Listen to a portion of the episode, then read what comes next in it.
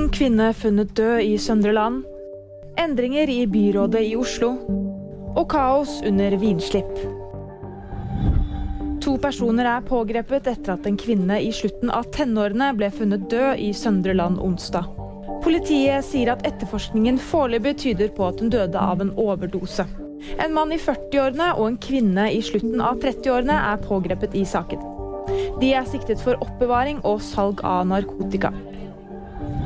Vi har gjort eh, tre endringer. Det sa byrådsleder i Oslo, Raimond Johansen. Torsdag holdt Johansen en pressekonferanse hvor han fortalte at helsebyråd Robert Steen og næringsbyråd Victoria Marie Evensen går ut av byrådet.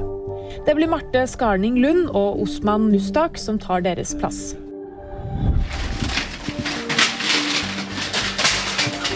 Det oppsto fullt kaos da Vinmonopolet slapp en samling eksklusive viner torsdag formiddag. En flaske av de eksklusive burgundvinene kan koste opptil 75 000 kroner.